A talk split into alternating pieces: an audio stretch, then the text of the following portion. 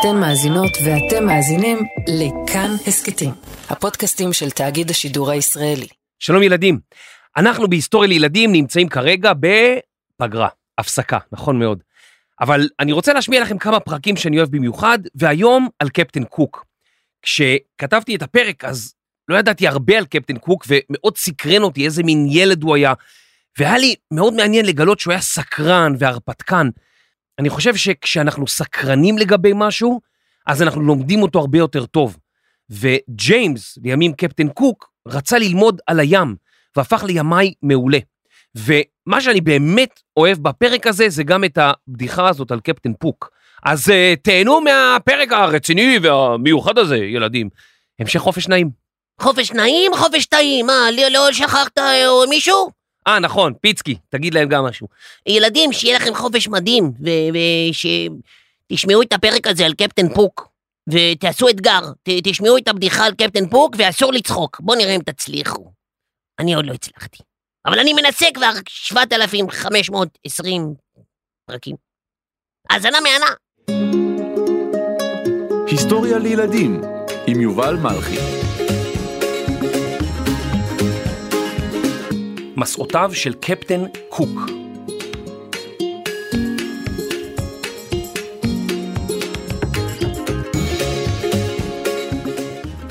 שלום ילדים, בטח כבר שמעתם על מגלי ארצות, אנשים שיצאו לחקור מקומות שאיש לא ביקר בהם, וחזרו כדי לתאר אותם. אחד ממגלי הארצות המפורסם ביותר בהיסטוריה הגיע מכפר קטן ועני באנגליה. הוא יצא לחקור את העולם בעקבות יבשת אגדית ומסתורית, אי שם באוקיינוס השקט. קראו לו ג'יימס קוק, וכינויו היה קפטן קוק. מה, לאן אתם בורחים? לא, לא, ילדים, תחזרו, לא, לא קפטן הוק מפיטר פן, קפטן קוק. תודה ילדים שחזרתם, תודה. ג'יימס קוק נולד בשנת 1728 בעיירה קטנה בצפון בריטניה, לאב חקלאי ממוצא סקוטי. היו לו שמונה אחים ואחיות, והמשפחה הענייה נאבקה לקיים את עצמה. כשג'יימס היה צעיר, עבר אביו לנהל חווה אחרת, ובעל החווה שילם עבור לימודיו של ג'יימס. לא היה זה דבר מובן מאליו. בצפון אנגליה באותן השנים, רק חצי מהגברים ורבע מהנשים ידעו לקרוא. תארו לכן שיש לכן שלוש חברות, ובין ארבעתכן רק אחת מכן יודעת לקרוא. היום זה נשמע לנו ממש מוזר, אבל זאת הייתה המציאות.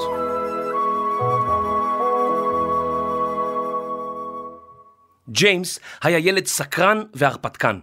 הוא התעניין במתמטיקה, באסטרונומיה ובמיפוי.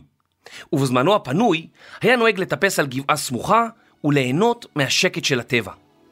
כשסיים קוק את לימודיו, בגיל 13, הוא החל לעבוד אצל אביו, אך עד מהרה הבין שעבודות המשק והחווה, איך נאמר, הן לא בדיוק בשבילו. ג'יימס, תחפור פה! כל הצבע הזה, כל כך יפה. ג'יימס, תחפור, תעלה, תשקה את הצמחים, תחלוף את הפרות, תוציא את הכבשים למרעה. ג'יימס, ג'יימס, מה יהיה עם הילד הזה? כל הזמן מפליג בדמיון למקומות רחוקים. מה אני אעשה עם הילד הזה? לאן הוא כבר יגיע בחיים? תש, תקשיב לי טוב, אם תמשיך ככה, אתה לא תגיע לשום מקום. שום מקום. שום מקום? זה נשמע כמו שם של מקום היסטורי. תודה, אבא. ג'יימס, ג'יימס, לאן הוא רץ? לאן הוא רץ? בגיל 16 עזב ג'יימס את משפחתו ועבר לכפר דייגים קטן לחופי הים הצפוני שמפריד בין בריטניה לדנמרק. ג'יימס החל לעבוד בחנות מזון. במהלך עבודתו בעיירה אהב ג'יימס להביט דרך חלון הראווה של החנות אל עבר הים הגדול. הים סקרן אותו מאוד, ולאחר שנה וחצי עזב את החנות והחל לעבוד על ספינה. עד מהרה הבחין צוות הספינה כי הוא בעל כישרון יוצא דופן במתמטיקה ובאסטרונומיה, וכי יש לו פוטנציאל להיות נווט מעולה. ואכן, ג'יימס קודם להיות קצין ניווט ראשי של אחת מהספינות. במשך תשע שנים עבד קוק בהובלת פחם בים הצפוני. ואפילו הוצע לו להיות מפקד ספינה משל עצמו. אבל ג'יימס סירב. הובלת פחם הייתה עבודה נחמדה, אבל ג'יימס רצה להפליג רחוק יותר. להגיע למקומות רחוקים, להתנסות בהרפתקאות ולעשות דברים שאיש לא עשה לפניו. הוא עזב את ספינת הפחם והתגייס לחיל הים הבריטי, שנקרא גם הצי המלכותי. על ג'יימס היה להוכיח את עצמו שוב מההתחלה. במהלך שירותו הוא השתתף בקרב של האנגלים כנגד הצרפתים. עזר לתפוס ספינה צרפתית ולהטביע אחרת. אנשי הצי שמו לב שג'יימס הוא ימאי מעולה, ותוך שנתיים הוא הפך לקצין בכיר בספינה. ג'יימס הצטיין במיפוי שטחים, וכאשר נשלח למפות את חופי קנדה, הוא שלח סירות שירשמו היכן נמצא כל סלע במים. המפות שלו היו יוצאות דופן בדיוקן, וימאים השתמשו בהן גם מאות שנים לאחר מכן.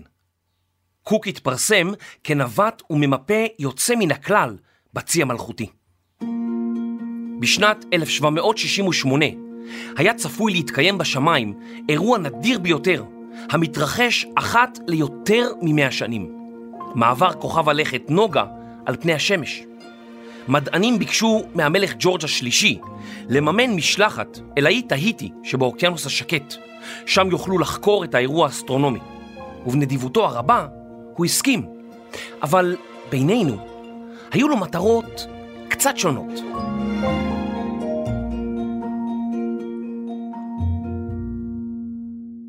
כוכב נוגה עובר על פני השמש, זה מעניין אותי מאוד, זה מטורף, זה בלתי נתפס, זה מדהים. אני אשלח לשם משלחת ואתן להם משימה סודית לתפוס כמה איים ולהכריז עליהם כאיים בריטים. או הפליגו לתהיטי, שלא תפספסו את נוגה, חל וחסיסה, אמ, חסה וחלילה, חליל, חסיל וחללית, אה, חס וחלילה, כן כן, הפליגו, הפליגו.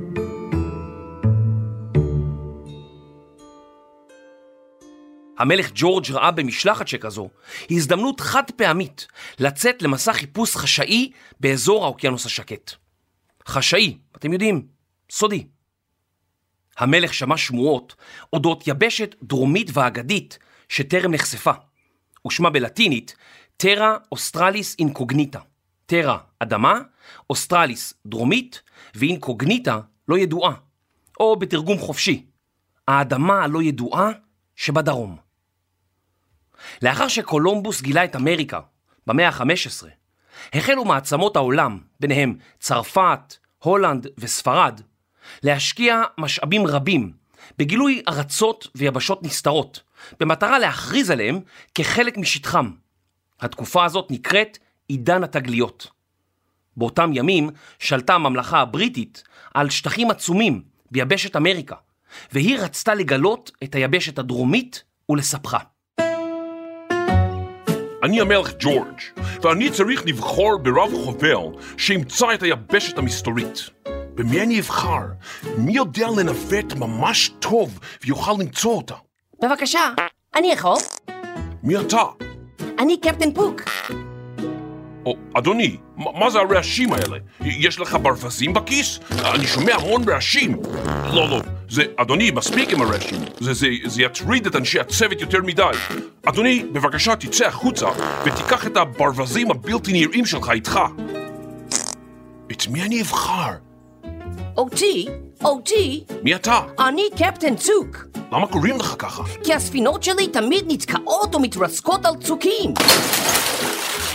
או, או לא נראה לי קפטן צוק, או, או קפטן פוק, או קפטן קוק. או, או, רגע, רגע, קפטן קוק, זה הנ- הנווט המצוין הזה. אני אבחר בו. תקראו לקפטן קוק דחוף. אמרתי קפטן קוק, לא קפטן פוק. תצא, תצא. אוף, אוף.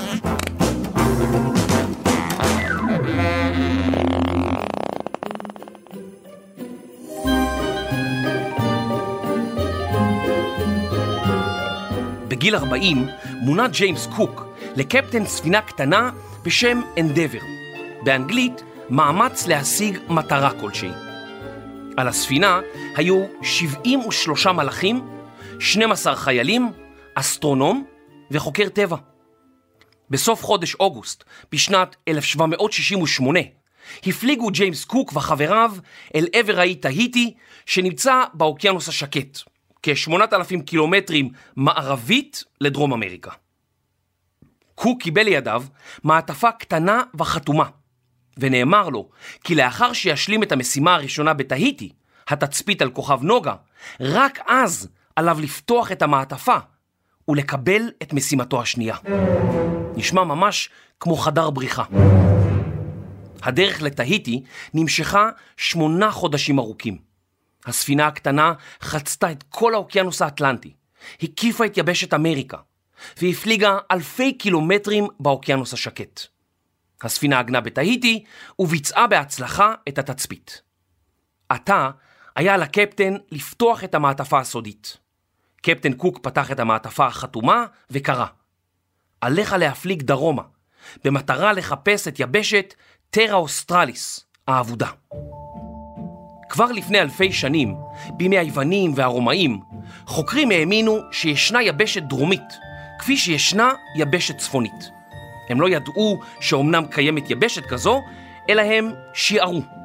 כשאנחנו משערים משהו, אנחנו לא באמת יודעים אם הדבר נכון, אבל אנחנו מניחים שכך. למשל, באמצע הקיץ אפשר לשער שלא ירד גשם מחר, גם בלי להסתכל בתחזית מזג האוויר. הנה עוד דוגמה. בגלל שיש מיליארדי כוכבים בחלל, חוקרים משערים שישנם חיים גם על כוכבים אחרים. אולי יום אחד עוד תפגשו חייזר ותגידו לו, מה אתה, חייזר? והוא יקבץ את שבע הגבות שלו ויגיד, מה פתאום חייזר? קוראים לי חיים. אני אוהב לנסוע באופניים ולאכול גרביים. יש לי קומקום ויש לו עדים. אני מגיש פודקאסט לשלדים, גם על מאדים. לפעמים זה קצת מרדים, אז יצאתי לנדודים. חשבתם שקוראים לי חייזר. איזה שם מוזר. לפני כ-600 שנים החל באירופה עידן התגליות. במהלכו הפליגו ימאים רבים לאוקיינוס השקט. חלקם ראו איים גדולים ולא מוכרים, והם, כמו גם מסרטטי מפות, החלו לטעון כי אכן ישנה יבשת דרומית. הם כתבו גם היכן בערך הם חושבים שהיא נמצאת.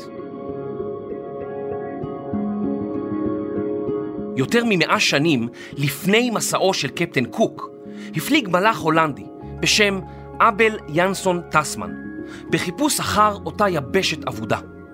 הוא מצא יבשת קטנה והעניק לה את השם נובה זילנד, זילנד החדשה, על שם מחוז זילנד שבהולנד.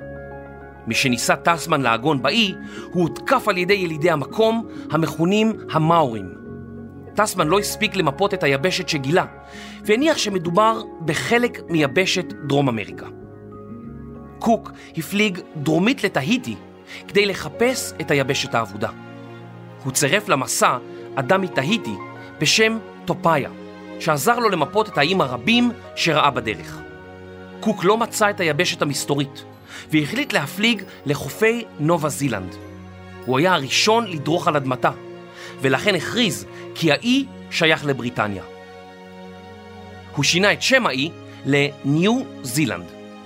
הצוות של קוק פגש את המאורים, חלקם בחרו להילחם בהם, ואחרים היו מכניסי אורחים. קוק הפליג סביב ניו זילנד וגילה שמדובר למעשה בצמד איים, ולא ביבשת הדרומית הגדולה והאבודה. במהלך מסעותיו סביב האיים התרשם קוק מיופי הטבע שראה, והעניק שמות למפרצים השונים. כשעברו ליד אחד המפרצים בצפון ניו זילנד, כתב קוק ביומנו: אני מביט בגוף המים העומד לפניי. זהו מפרץ ללא ספק. השם שהוא ענק למפרץ היה מפרץ ללא ספק, וכך הוא נקרא עד היום.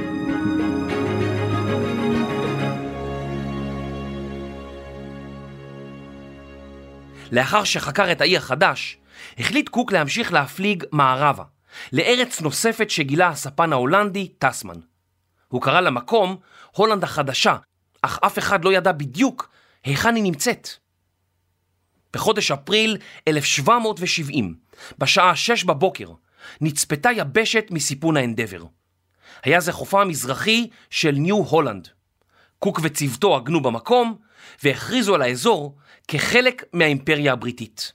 לימים תוקם סמוך לאותו מקום, העיר האוסטרלית סידני.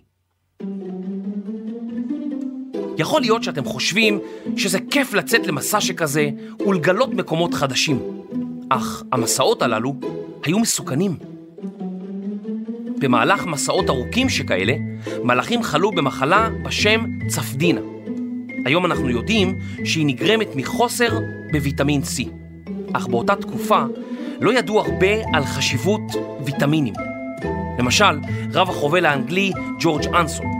כמה עשרות שנים לפני קפטן קוק, הוא יצא למסע עם כאלפיים מלאכים, וחזר עם כ-200 בלבד. אתם מבינים עד כמה המסעות הללו היו מסוכנים ומאתגרים?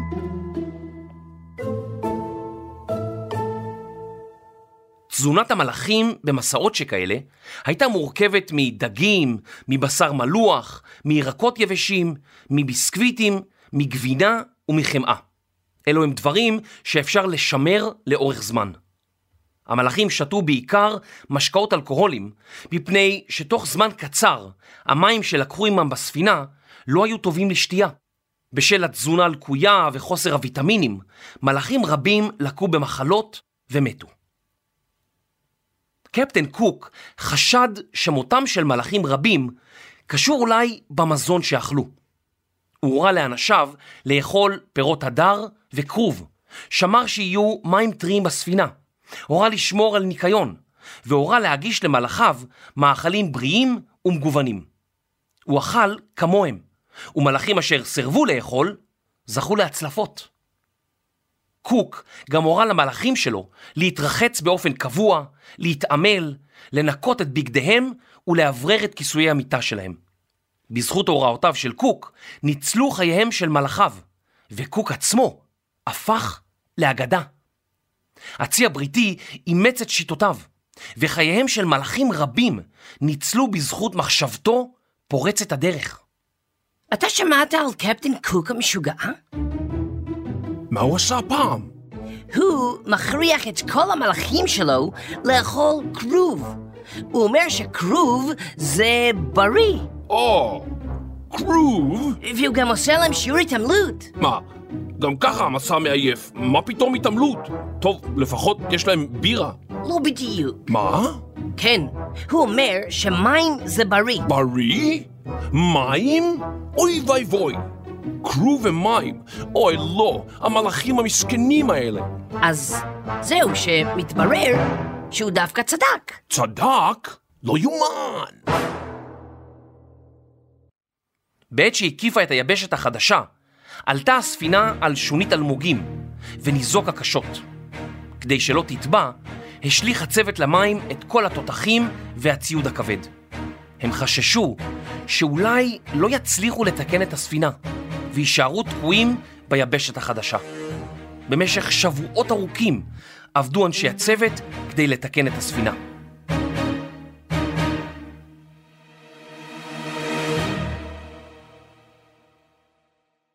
החוקרים שעל הספינה, וגם קפטן קוק, ניצלו את הזמן כדי לחקור את היבשת החדשה. הם פגשו באנשים המקומיים, האבוריג'ינים, שהתגוררו באי. הם נתקלו בצמחים ובחיות שלא ראו מעולם, ולמעשה הבינו שהם גילו מקום מופלא, שאף אדם אירופי לא היה בו קודם לכן. או לפחות לא חזר כדי לספר על כך. אחת החיות שאנשי הספינה נתקלו בהן הייתה הקנגרו, שנקראה גנג'ורו באחת השפות המקומיות.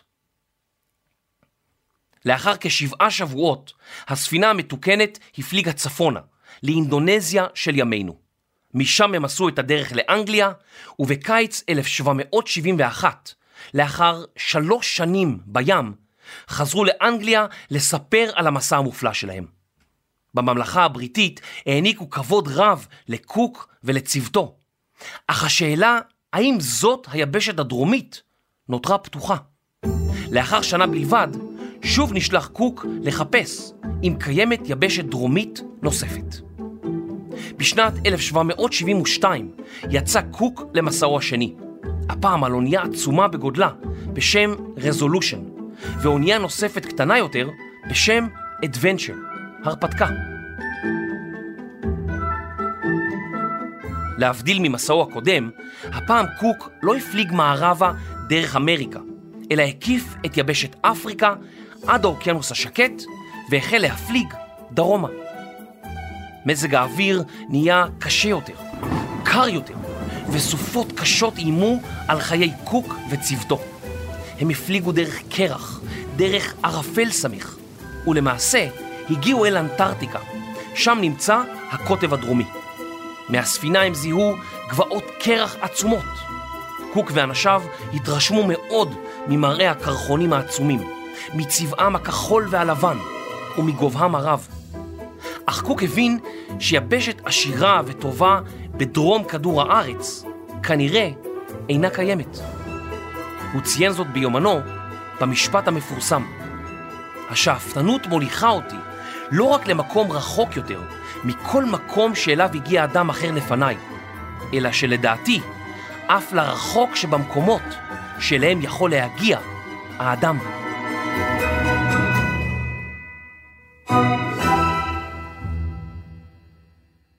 קוק הפליג באוקיינוס השקט מפאים רבים, הגיע לניו זילנד, תהיטי ומקומות רבים אחרים. הוא והספינה השנייה איבדו קשר בערפל, והספינה הקטנה יותר הפליגה חזרה לאנגליה. קוק לא מיהר לחזור, הוא הפליג לכל אורך האוקיינוס השקט, משם לדרום אמריקה, ומשם לאנגליה.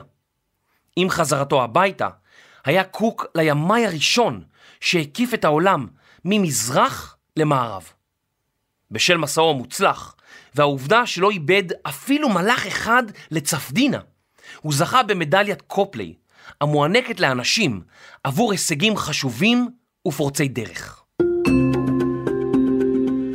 קוק אמנם חזר ליבשה, אך הוא לא יכול היה להתרחק מהים. בשנת 1776, שנה לאחר שחזר ממסעו השני, יצא קוק שוב פעם, עתה למסעו השלישי. מטרת המשלחת הייתה לנסות לאתר מעבר ימי חדש, צפונית ליבשת אמריקה, שיאפשר לספינות הבריטיות להגיע במהירות אל המזרח הרחוק. עשרות רבי חובלים ניסו למצוא את הנתיב הצפוני, אך כולם נכשלו. הנתיב היה ידוע כקשה במיוחד, בעל מזג אוויר סוער ומלא בקרחונים שעלולים לפגוע בספינה ולהטביע אותה. במהלך המסע גילה קפטן קוק את איי הוואי, והיה לאירופי הראשון לבקר בהם. לאחר מכן הפליגו קוק וצוותו לחופה המערבי של צפון יבשת אמריקה, ומיפו אותה בדייקנות. לחוסר מזלו, הוא לא צלח את משימתו, למצוא את הנתיב הצפוני, בשל הקרחונים הגדולים שחסמו את המעבר, ולכן שב להוואי. בהוואי הוא התקבל בסבר פנים יפות. יש חוקרים הטוענים שאנשי האי ראו בקוק בתור האל לונו, אל המסמל את השלום והשפע, שעל פי המסורת אמור להגיע לחגיגות באי מדי שנה. קוק וצוותו זכו למתנות רבות ועזבו את האי, אולם תורן הספינה נשבר, והם נאלצו לחזור לתיקונים. עתה, אנשי האי היו מבולבלים, ורבים תהו אם הוא באמת היה אותו האל לונו. כמה מקומיים אף גנבו את סירותיו של קוק. קפטן קוק זעם, והחליט לקחת את הצ'יף המקומי כבן ערובה. במקום פרצה מהומה, שהידרדרה לפסים אלימים. קפטן קוק וכמה מאנשי צוותו נהרגו על ידי המקומיים באותו אירוע. כך, בשנת 1779 נרצח קפטן ג'יימס קוק, גדול הימאים הבריטים, על ידי אנשי הוואי, שכמה שבועות קודם לכן הכריזו עליו כאל מקומי. קפטן קוק נחשב לגדול הימאים הבריטים ולאחד ממגלי הארצות החשובים בהיסטוריה האנושית. קפטן קוק הוסיף למפת העולם עוד שליש משטחה. שליש שלא היה ידוע לאף אחד לפני כן. הוא גילה אוקיינוסים, יבשות, ארצות, איים, ערים וקרחונים. מקומות רבים, מאוסטרליה ועד קנדה, קרויים על שמו, עד עצם היום הזה.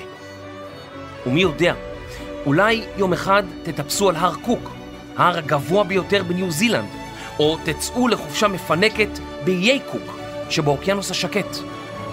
עד אז אתם יכולים להסתפק בתרנגול. מסתבר שתרנגולים מעריצים את קפטן קוק. הרי כל בוקר הם שרים לכבודו. קוק, אוריקו, קוק, אוריקו, קוק, אוריקו, קוק, אוריקו, קוק, אוריקו, קוק, אוריקו.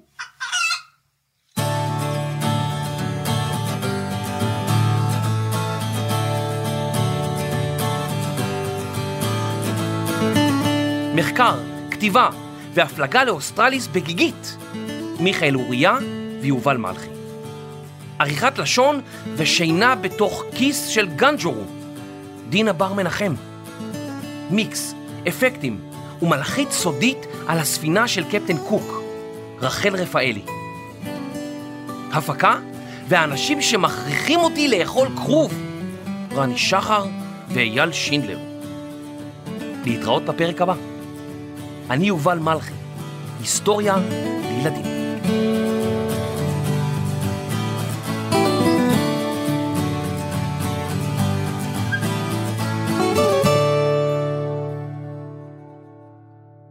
ילדים והורים יקרים, אם אתם אוהבים את ההסכת היסטוריה לילדים, נשמח שתעזרו לנו. דרגו אותנו בכל חנויות האפליקציות, ברשימת הפודקאסטים של אפל, בספוטיפיי ובכל מקום שאתם יכולים לדרג אותנו. רוצים לדבר איתנו? כנסו לקבוצת הטלגרם שלנו, היסטוריה לילדים. רשמו לנו מה חשבתם, העירו לנו הערות, שילחו לנו הצעות לפרקים, ותוכלו להתעדכן בפרקים חדשים ובאירועים קרובים. תודה רבה.